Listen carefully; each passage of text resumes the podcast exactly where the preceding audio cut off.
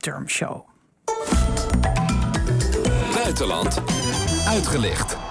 Ładny skok, będzie daleki, będzie tylko żeby wylądował, udało się, brawo proszę Państwa, to gdzieś w granicach rekordu skoczni, złapał się aż za głowę trener Apoloniusz Steiner. Wspaniały skok naszego zawodnika. Ja, in Polen zijn ze er dol op. Schansspringen, skispringen ook wel. Maar dit jaar vrezen de Polen van een koude kermis thuis te komen. Journalist Dore van Duivenbode, kenner van het land. Waar zijn de Polen precies bang voor als het om hun schansspringkansen gaat? Nou, Sophie, het uh, schansspringseizoen wordt bijna geopend. En cultureel is het belangrijker dan voetbal in Polen, durf, de Nederland durf ik wel te zeggen. Het is de nationale sport. Maar zoals jij al zegt, het wordt een beetje spannend, want de organisatie hoopt op een steenkoude winter. Veel sneeuwval, echte sneeuw die lang blijft liggen. Maar dat ligt dus gevoelig dit jaar. Want, de nationale. Dat, nou, dat hopen op een er is dus een winter, dilemma. waarom is dat uh, zo gevoelig?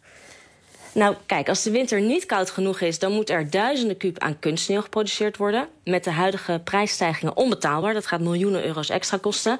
En bovendien betekent dat een hoog energieverbruik... in een tijd waar iedereen zuinig aan moet doen. Dus de garantie op kunstsneeuw durft de Sportbond nu nog niet te geven...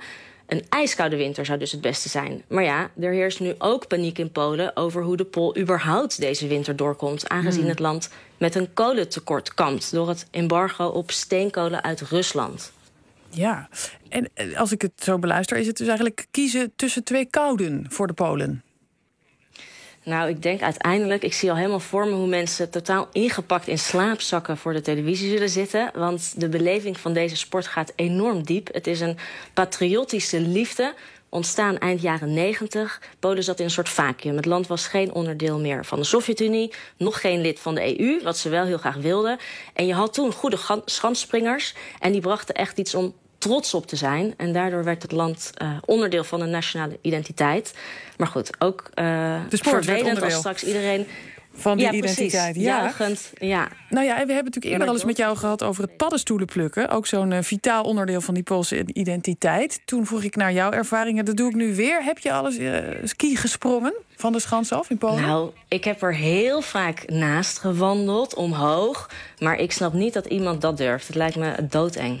Dank, Dore van Duivenbode. Meer over dit onderwerp kunt u als altijd lezen op NPO Radio